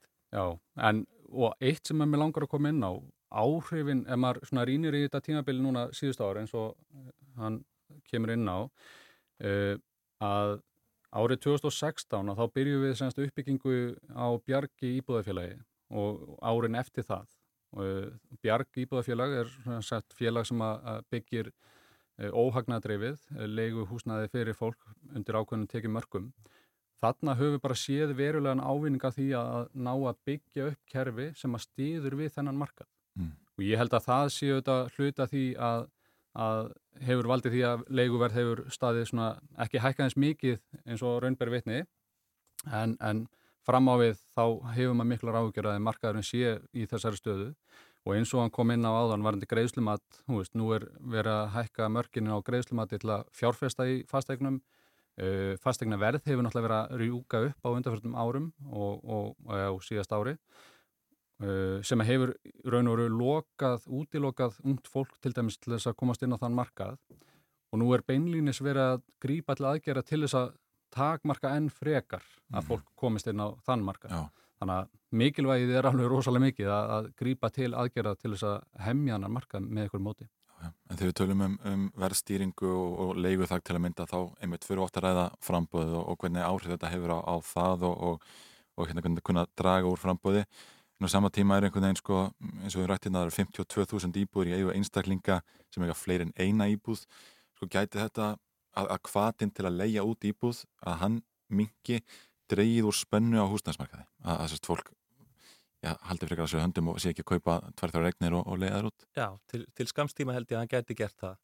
Uh, sko, uh, í öll, allir svona umræðu, hvort sem það er um leigu þak eða um viðmiðum greiðslumat eða, eða sama hvað það er, uh, þar er mikilvægt átt að sjá því að sko öll yngripp þegar við erum að breyta reglum eða búa til nýja sérreglur til að breyta, hérna, breyðast einhverjum uh, sérstökum aðstæðum að markaði hverju sinni, að þá þetta hefur það einhverjar afleðingar bæði til skamstíma og langstíma og eh, til hækkunar eða lækkunar.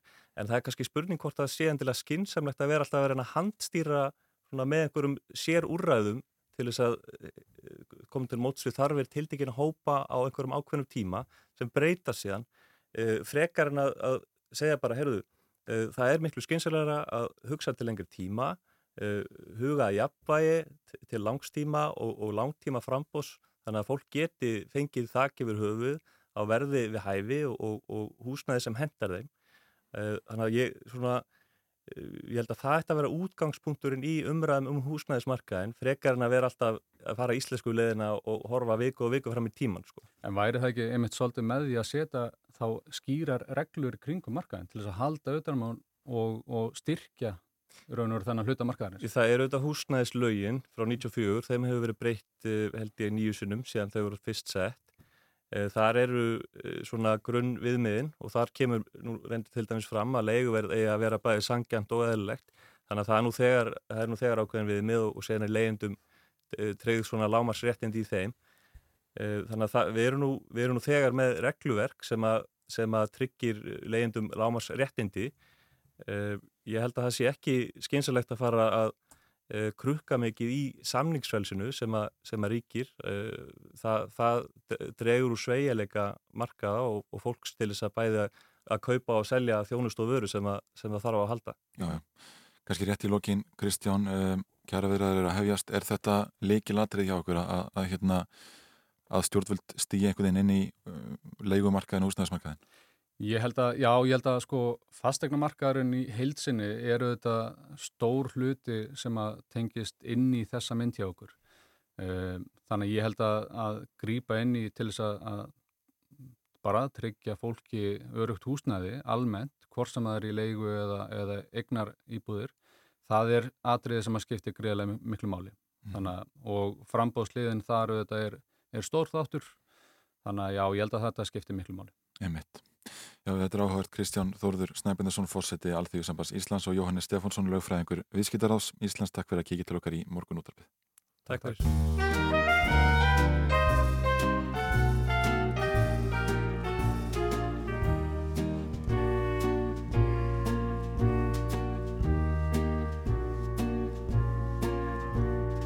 Ég er sko vínur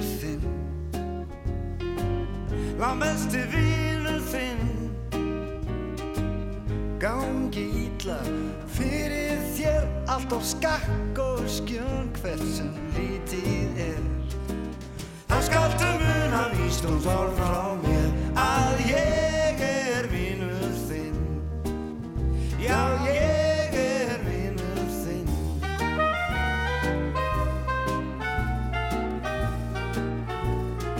Ég er sko vinur besti vinnur þinn. Mér leiðist margt sama segi ég. Já, tilveran er ekki alltaf dásamleg. Það skaltu mun að výstóms orð frá mér Að ég er vinnur þinn. Já, ég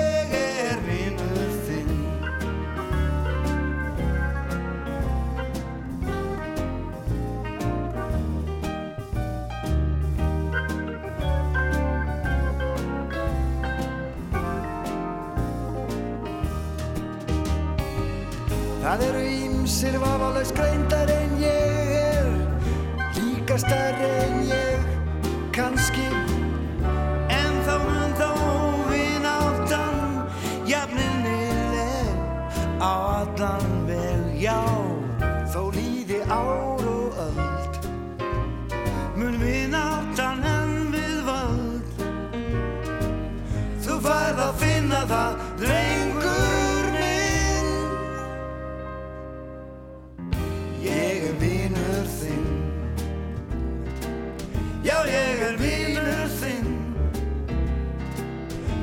besti vinur þinn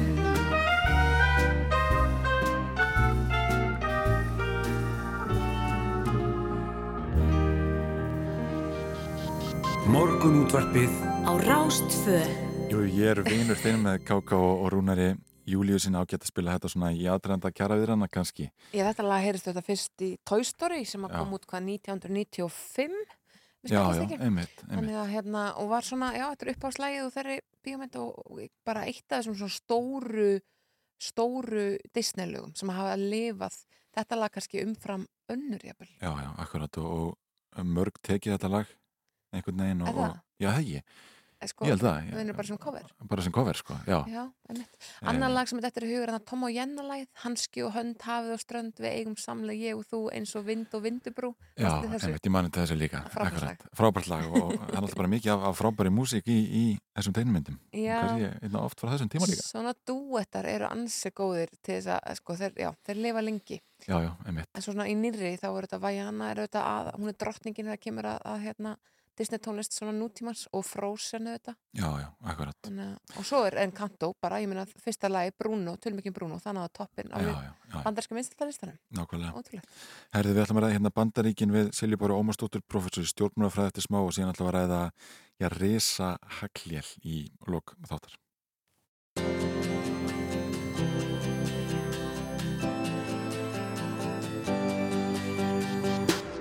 Þú ert að hlusta á morgunútvarpið á Rástvö. Jú, jú, áfram heldum við hér í ég vildi að baki og hún er sest hjá okkur Silja Bára Ómarsdóttir. Já, góðan daginn.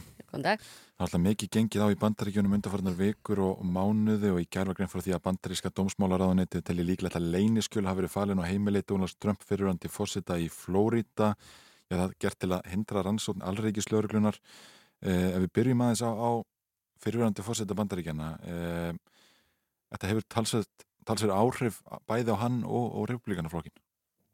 Já, Allt þetta þetta er hérna, auðvitað uh, mál sem að setur hann í hérna, mikla klemmu vegna þess að hann er auðvitað alltaf að, að halda því fram að, að hann sé beittur órétti og, og að kerfið sé á mótunum og síðan er hann með þarna fjöldanallar skjölum sem hann á ekkert með að hafa tekið úr uh, eða tekið með sér uh, úr kvítahúsinu og uh, þetta hérna, lítur alltaf verður og verður út fyrir hann og Já. sérstaklega þegar að uh, fyrsta lagi eru skjöld tekin og eða sérst afhent og sagt eftir mikla leit að þá fundust hérna, eh, fannst eitt umslag í viðbót og svo þegar að að alvegslaugreglan leitar að þá finnast þarna fjöldigagna Mhm. til viðbótar þannig að, að annarkvort er hann ekki með fólk sem að er að, að vinna vinnuna sína eða að vera að ljúa og, Mhm.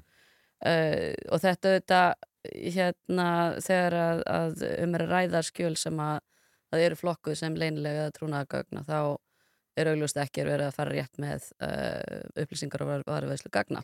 Sko þetta hljómar pínlítið svona, svona bjórokratist mála einhver leiti en svo þegar hortir yfir svona hans sögu í fórsetatíð þá, þá var hann nánast að geta skjölin, hann var að rífa þau og styrta þeim niður og svo framvegis allan tíman sem hann var fórseti.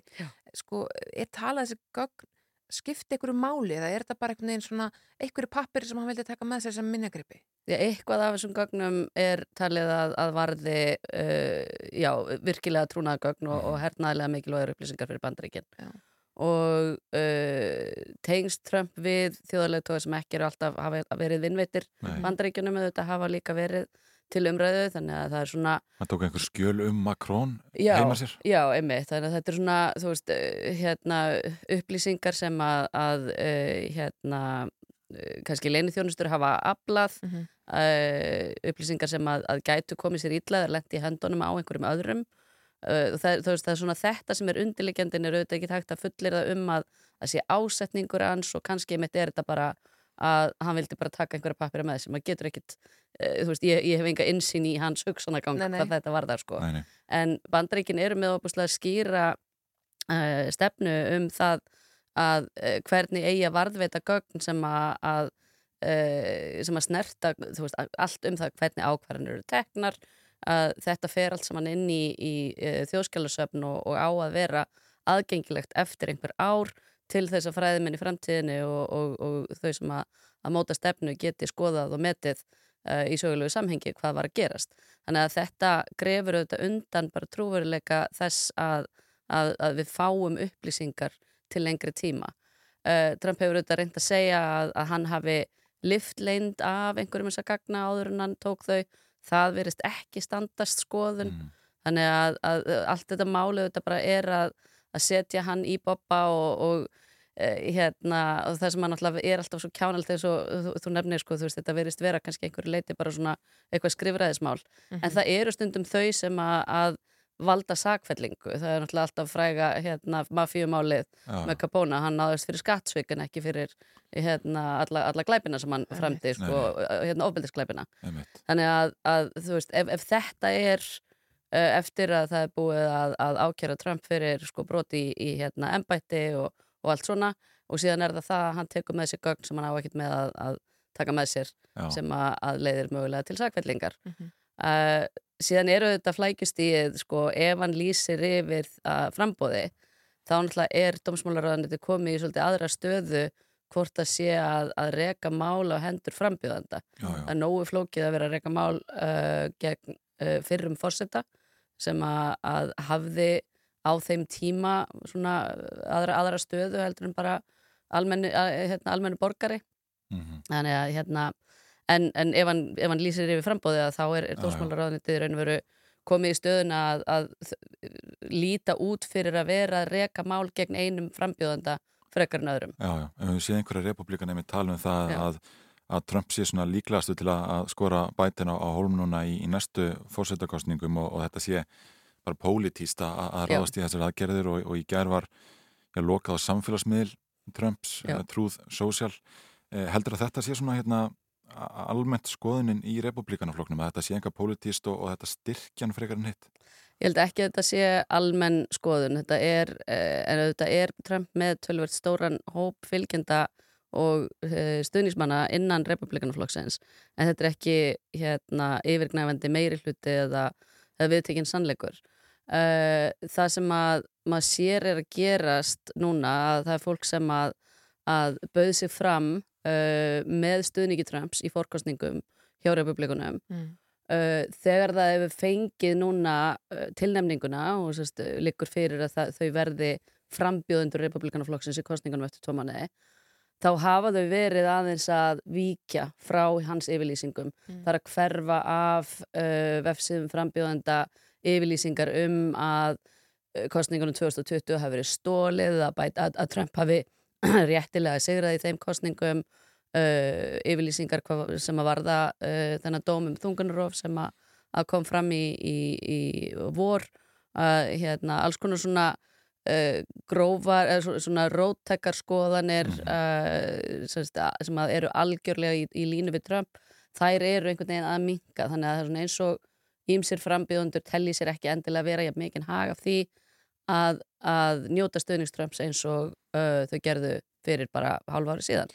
En því er það að reyflukaraflokkurinn sé kannski svona að fjarlægast þessar svona, já, öfgar eh, sem að hafa engind flokkin undarfærin ár. Mm, ég held að hann sé að reyna að leita einhvers jafnvægis. Það er ennþá gríðalur fjöldi frambjóðanda sem að uh, er á þessari línu, sem að talar þú veist, og sem, að, sem að aðhyllist skoðanir í þessum svona á, á þessum hérna sviðir og við, á, þessum væng flokksins en kannski sér sér ekki bara hægin í að vera með nafn Trumps alveg Nei. við hliðin á sér Mhm. en það er hérna uh, já og það, er sko þetta eru mjög margir eh, sem eru núna sko að sækjast eftir kjöri ekki endilega sitjandi þingmenn og það er svona uh, það eru áhugaður rannsóknir um til dæmis uh, falsfrétta dreifingu og það eru þau sem að eru að sækjast eftir kjöri í fyrsta skipti eru að deila óáreiðanlegum fréttum Já. í miklu meira mæli heldur en sitjandi þingmenn republikana þannig að það er Mm. svona það er einhver óruleikið þarna sem að, að er ekki uh, hann er ekki horfin sko Nei. En talandum óróleikan þá rættum við hérna aðeins um uh, já, niðurstöðu nýrar könnunar sem um, The Guardian fjallaði til að mynda um á dögunum og, og þar kemur fram að, að sko já, um 40% íbúa bandaríkina búist við einhvers konar borgarastríði Mm. á, á næstu tíu árum, eitthvað svoleiðis. Það er náttúrulega lítur að vera hansi lýsandi fyrir þessa sundrungu í bandarísku samfélagi uh, en er líklegt að til þess komi? Sko, þetta er hérna, þetta hefur verið svolítið í umræðinni núna alveg síðustu svona, já, 6-8 árin kannski uh, svona fræðilega hvort að þetta sé yfirvofandi eða, veist, og það eru, það eru mjög margir sem segja já, þetta er mögulegt en e- ekki, það er ekkert margir sem telja þetta sé afskriflega líklegt, það er áhugavert hlaðvarp sem að, að kom út fyrir núna örgulega tveimur, þremur árum sem heitir It Could Happen Here og er svona uh, vangaveltur um það alveg nokkri þættir um það hvernig svona stríð gæti mögulega litið út. Og þetta er allt frá því að vera uh, þú veist við vitum all hvaða, hvað er gríðarlega mikið af skotvopnum í bandaríkjunum að, að fólk sé að grípa til vopna eða hörfa upp í fjöllin og, og ætli að, að svona segja sig úr lögum með samfélagið og, og eitthvað svoleiðis uh, ég held að það sé ekki veist, þetta, þetta er ekkit eitthvað sem er að fara að bresta á en uh, sko, klopningur í samfélaginu sem að kannski er með óeirðum uh, átökum sem að eins og, og voru kannski í kringum Black Lives Matter reyfinguna þar sem að er gríðarlega mikið ofbeldi af hálfu hins ofinbæra gagvart almennum borgurum. Veist, það, það eru svona byrtingamindir sem að eru kannski líklegri heldur en reynd út sagt stríð á milli almennra borgara eða fylkinga þeirra Svo þetta bara hefur stríð breyst mjög mikið Já.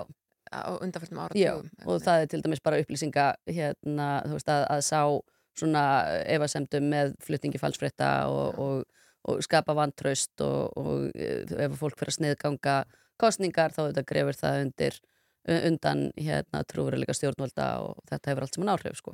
Kanski rétti lokin, Silja, það voru bárust fréttir af því hér í morgun að Sara Palin hefði uh, já, beðið læra hlut í aukakostningum um lust þingsat í Alaska fyrir uh, demokratanum Mari Peltola Mhm. sko, Sara Palin var þetta þessum frægu tebóðsreyfingu sem Jú, jú. kom hann fram fyrir um það byrja áratuga svo hvernig hérna horfður þetta þér? Þetta er auðvitað mjög áhugavert. Þetta sæti er náttúrulega bara til tvekja mánuða. Mhm. að hérna uh, konan sem að fjekk hérna sem sigraði þessi peltóla hún er hérna 49 ára og það var sem sagt sá sem að var að sem að dó í ennbætti, hann var 49 ár í því Mm. sæti.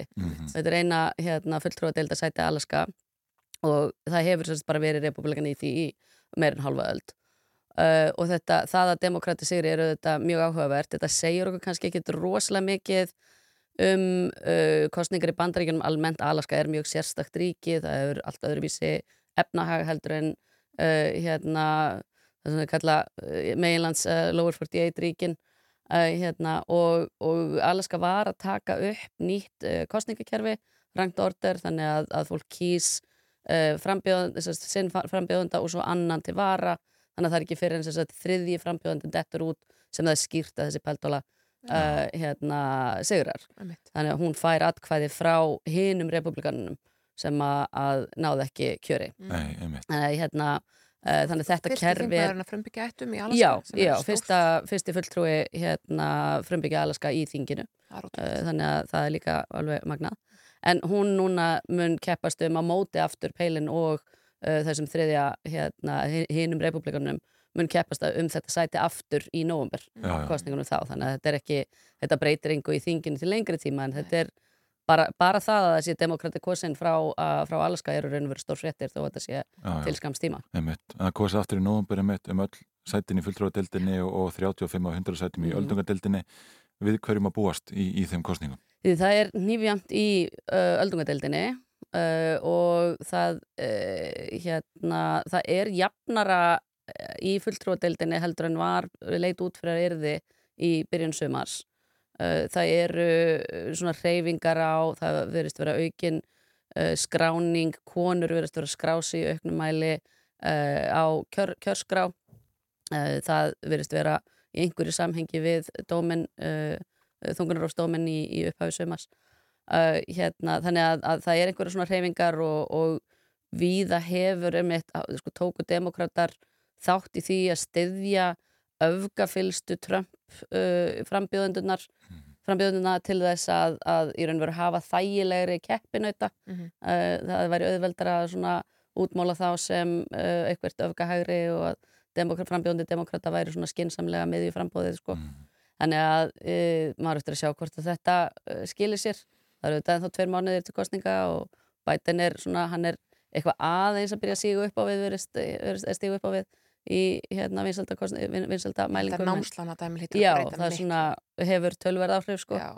en uh, hérna en almennt þá eh, er alltaf meiri líkur á því að flokkurinn í hérna, stjórnaranstöðu taki, uh, taki fulltróðdeildina en uh, öldungadeildin er verður mjög spennandi, það er mjög Já, já. tæft á mönnum þar Já, já, við höldum að fara að fylgjast með uh, stjórnmálunum og samfélagunum í bandaríkjunum. Uh, Silja Bára Ómarsdóttir, professor í stjórnmálafræði, takk fyrir að, að vakna með okkur hérna í morgun útarpinu.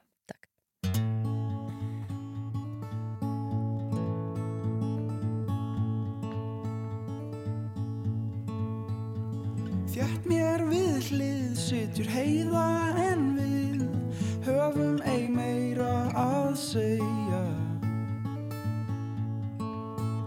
Við höfum þansið að við sitjum í byð Yfir sorgum er best að þegja.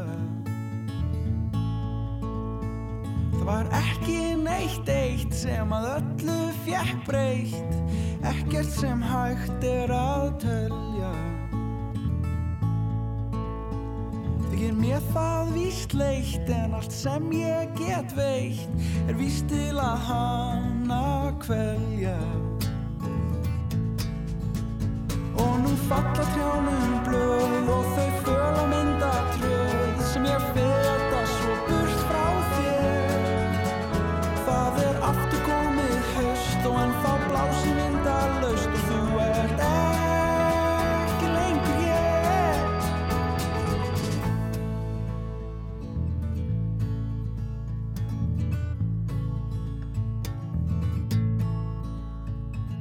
veist hvað ég vil ef þú vilt finna ill Vertu þá ekki að ringja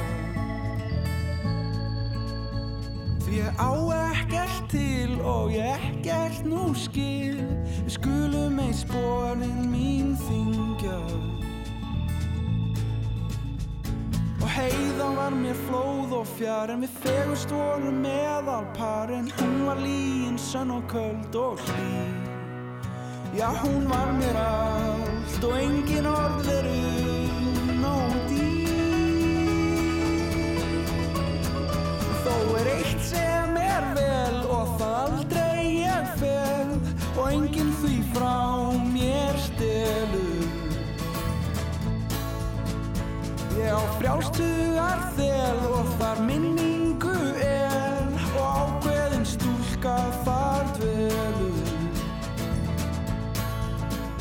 Og nú falla trjánum blöð og þau föl að mynda tröð sem ég feta svo burt frá þér. Það er aftur komið haust og en þá blási vindalaust og enn geng ég burt frá þér. Þó þú sérti lengur mín og engin ábyrg sé vist þín þá er ég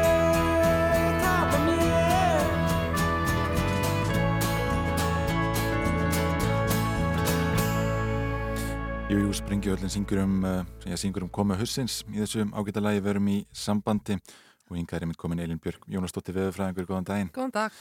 Okkur langar aðeins að byrja í, í uh, Katalóni á, Spáin, á Spáni þar sem tugir slösuðust þegar mikið hagljél fjallar við sáum myndir af þessi í fréttum í gær, höglinn stór og þung og stæstum 10 cm að þvermáli og, og rammarslínu þök og rúður eru að eðalegja þarna. Mhm. Sko hvað, hvað er svona risa hagljél og, og, og hvernig, þú veist, hver er orsökin?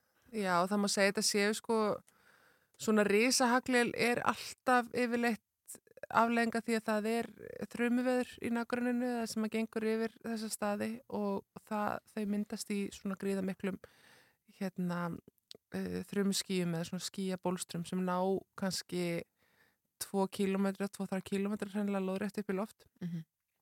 og í þessi það er yfirleitt mjög mikill raki í þeim og yfirleitt sko nær þá skíið upp fyrir frostlínuna þannig að þó þetta sé á spána það sé hlýtt og það sé kannski frostmarki sé í 2000 metra hæða, 3000 metra hæða þá bara nær skíið það hátu Mhm. þannig að, að sagt, og svo er svo mikið sko það er kannski 20 metrar á sekundu sko reyfingi loðrétt upp við erum vunna að heyra að vindraða sko lárétt um 20 metrar á sekundu Já. Og það getur verið alveg svona rosalega mikil sko 10-20 metrar sem sagt loðrétt í þessum skíum þannig að það myndast bara ringrás Mhm. og, og það er svo mikið uppstreymi að, að haglið það bara fellur ekki til jarðar fyrir en það er orðið mjög þungt Já, já. og hérna af því að það bara sem sagt, vindurinn hann nær bara að halda þessu á lofti og alltaf að meðendir í lofti þá bara sapnast á alltaf á þetta meira og meira uh, meira og meiri hérna, raki og meira, fleiri og fleiri drópar Mm. Um, og þá stekkar þetta og þessi stóru högl þau verða nú yfirleitt ekki svona stóru nema vegna þess að þau klessa á sem sagt, að klessast saman margir litlir bútar Mhm. þannig að maður sér það á þessu bæði þarna hérna, það er svona misvísandi þegar maður googlar myndir af þessu, sko, maður veit aldrei nákvæmlega hvað eru myndir nákvæmlega þessum stórum og hvað nei. eru bara aðrar myndir af stóra Mhm. hagli eh, en þau eru mjög óreglulega og svona ljót einhvern veginn í læginu, ekki svona fallega kúlulaga eins og Mhm. hagl sem er minna sem bendir til þess að það hafi mjög mikið klæst saman sko. Já, já. En við erum aðalega að sjá svona rísahögl í heitum löndum, þarna er spátn en Já. þetta er svona eitthvað sem er aðeins loða við Ástralju, við sjáum þetta ekki mikið hér. Nei, við sjáum þetta ekki hér uh, yfirleitt verða ekki þessir ofbæslu sko, kúr- skúraklakkar hérna Nei. og almennt ef þeir verða svona háir þá er miklu minni raki hér og færri skíða þetta kjarnar þannig að við sjáum bara ekki svona aftaka uh, hagl og, og svona veður á þessum, þessari stærðagráðu uh, af því að þetta er hitafyrirbreiði Mhm. Mm. Einmitt. og það eru semst rosalega mikla uppbytun sólar á yfirborði jarðar yfirleitt uh, ásamt því að það verður að vera mjög mikil raki og, og, og mikil orka í, uh, í hérna andrúsloftinu til til þess að það gerist og orkan í andrúsloftinu hún er eiginlega alltaf bundin við rakan Mhm. og hitan og, og við erum bara of norðarlega til þess að, Já, að já. sjá þetta þó við sjáum vissulega ýmislegt annað sem er svona öfgakent sko. Mm. en þetta fylgir mjög oft uh, sem sagt skýstrókaveðrum þetta eru í raun og verið sömu skíin sem að framlega skýstróka og framlega þessi ofsa miklu högl og, og er oft sko það sem er í raun og verið veldur hvað mestu tjóni uh, ef að það er ekki reynilega einmitt skýstrókarnir sem að gera það heldur og ég sé ekki fréttir að því frá spána þarna hafi komið skýstrókur heldur þetta hafi verið og verið bundið við þessa úrkom Mhm. en þetta er, þetta er hagljál er almennt hita fyrir byrði þannig að þetta er svona þarna, uh, já, miðriki bandaríkjana Ástralja, einhverstara sem eru sko stórar hérna, stó, stóri landmassar þar sem að þetta getur Já, já. en, en sem slíkt hafa einhverstara nákvæmlega sko.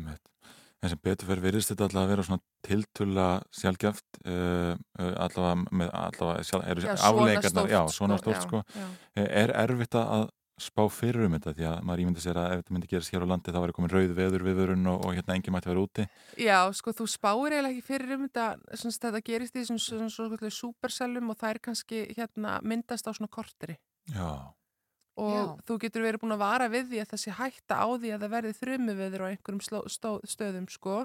En, en nákvæmlega hvar eru svona kannski þú veist, við teljum okkur rosa góð ef við náum 20 myndna fyrirvara á svoleiðisveðrum á, á svona nákvæmum staðsetningum. Og, og þetta er ástæði fyrir því að það eru svona ennþá í sko gangi svona viðvöruna flautur mjög víða vegna þess að það er einalegin til þess að ná til fjöldnans það er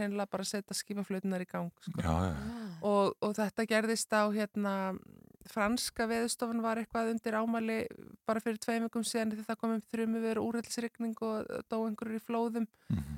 uh, á einhverju eigu sem, að, sem hún sér um. Og þá var í raun og veru nákvæmlega sama ma- málið að þar, þar kom bara svona stormur sem að myndaðist bara á korteri og ef þú ert ekki með sko ratsjá, veður ratsjá bara nákvæmlega þar að horfa sko, þú Mhm. veist, ef hún er ekki á nákvæmlega réttum stað þá bara sést þetta eiginlega ekki fyrir, fyrir bara veðrið er komið yfir sko. Þetta er ótrúlega hraði, sko, þannig að þessi stóru, stóru högl þau geta myndast bara á nokkrum augnablikum eitthvað. Já, Það er þetta ótrúlega. er kannski svona, já, 10-20 mínútur sko. Einmitt. En er þetta einhver sem við sjáum meira af núna á næstunni bara vegna loslasbreytinga? Er þetta einhver spá fyrir um það? Um, það, er, það er svona erfitt að finna fótspor loftlagsbreytingar á nákvæmlega sko, stærð haglila en ef við sjölega ber sko, sagt, hlýra loft oft meiri raka.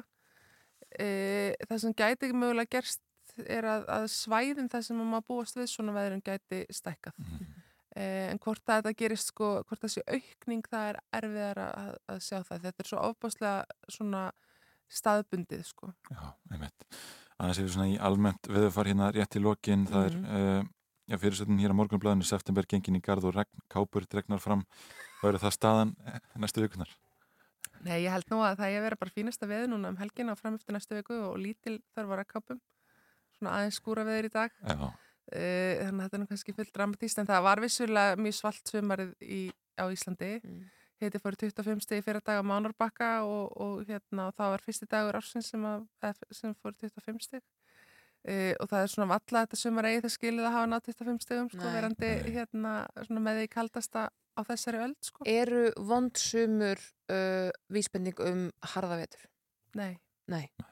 En er rétt hjá mér, sem er búin að fylla það hérna allan morgun, að september sé oft alveg mildur. Já, já. Já, já. óvinni mildur. Uh, sko, september er oft miklu hlýra en mæ til dæmis um, og hérna og september er raunar sko talin með sumarmánuðum í uppgjöru veðstofnar þannig að við eigum í raun og verið eitt mánuð Já, eftir sko. fréttir. alltaf að græða. Já, ég held að þetta sé meira að segja frábær lokaórð Elínbjörg Jónasdóttir veðafræðingur, takk fyrir að kíkja til okkur í morgunúttarpið. Takk fyrir mig. Já, það er komið að lokum hjá okkur í dag, hefur ekki bara endað þetta árinu lægi og svo verður allir þátturinn aðgengilegur á vefnum hér til skamastund. Jú, þakka fyrir samfélgina í dag. Verðum aftur með ykkur á morgun. So enchanting in every way.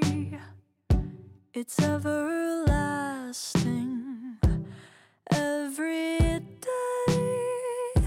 Sweet obsession, rose bouquets. Oh, it's heaven, or so they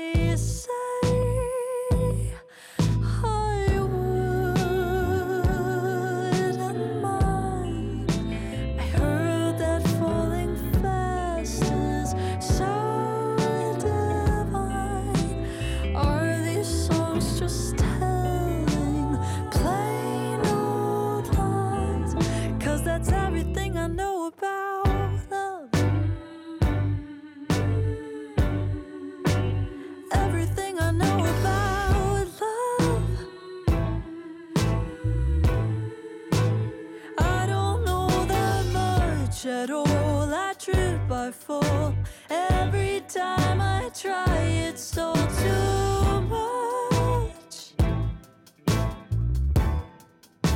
That's everything I know about love.